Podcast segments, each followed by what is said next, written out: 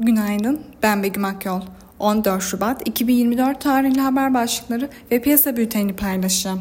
Ünlü yatırımcı Goodluck'a göre gelinen noktada PCA verisi ABD tüfeğe göre daha çok önem taşıyor. Japon yeninin dolara karşı kritik seviyeyi kırarak zayıflaması sonucu Japon otoriteler müdahale sinyali verdi. Konuya yakın kaynaklara göre Ankara, NATO Genel Sekreterliği için önde giden aday olan Mark Rutte'den Yunanistan ve Güney Kıbrıs'tan gelebilecek baskılara boyun eğmemesini istiyor. Daha önce 50 milyon Amazon hissesi satabileceğini açıklayan Jeff Bezos, 4 günde 24 milyon adet hisseyi sattığını duyurdu. ABD tüfe verisi sonrası hisse senetleri ve tahvillerde kayıp yaşanırken dolar yükseliyor.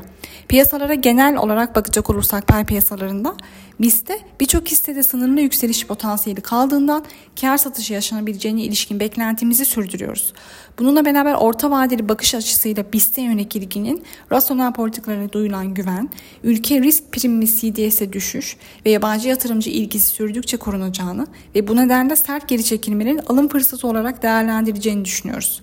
Bu sabah ABD vadeleri karışık, Alman DAX vadelisi satıcılı ve Asya endeksleri alıcılı seyrediyor. Çin'de yeni yıl tatili sürüyor. Teknik analiz verilerine bakacak olursak gün içinde 8750 ve altına gerileme alım fırsatı, 9200 ve üzerine yükseliş ise gün içi kar satışı fırsatı olarak izlenebilir.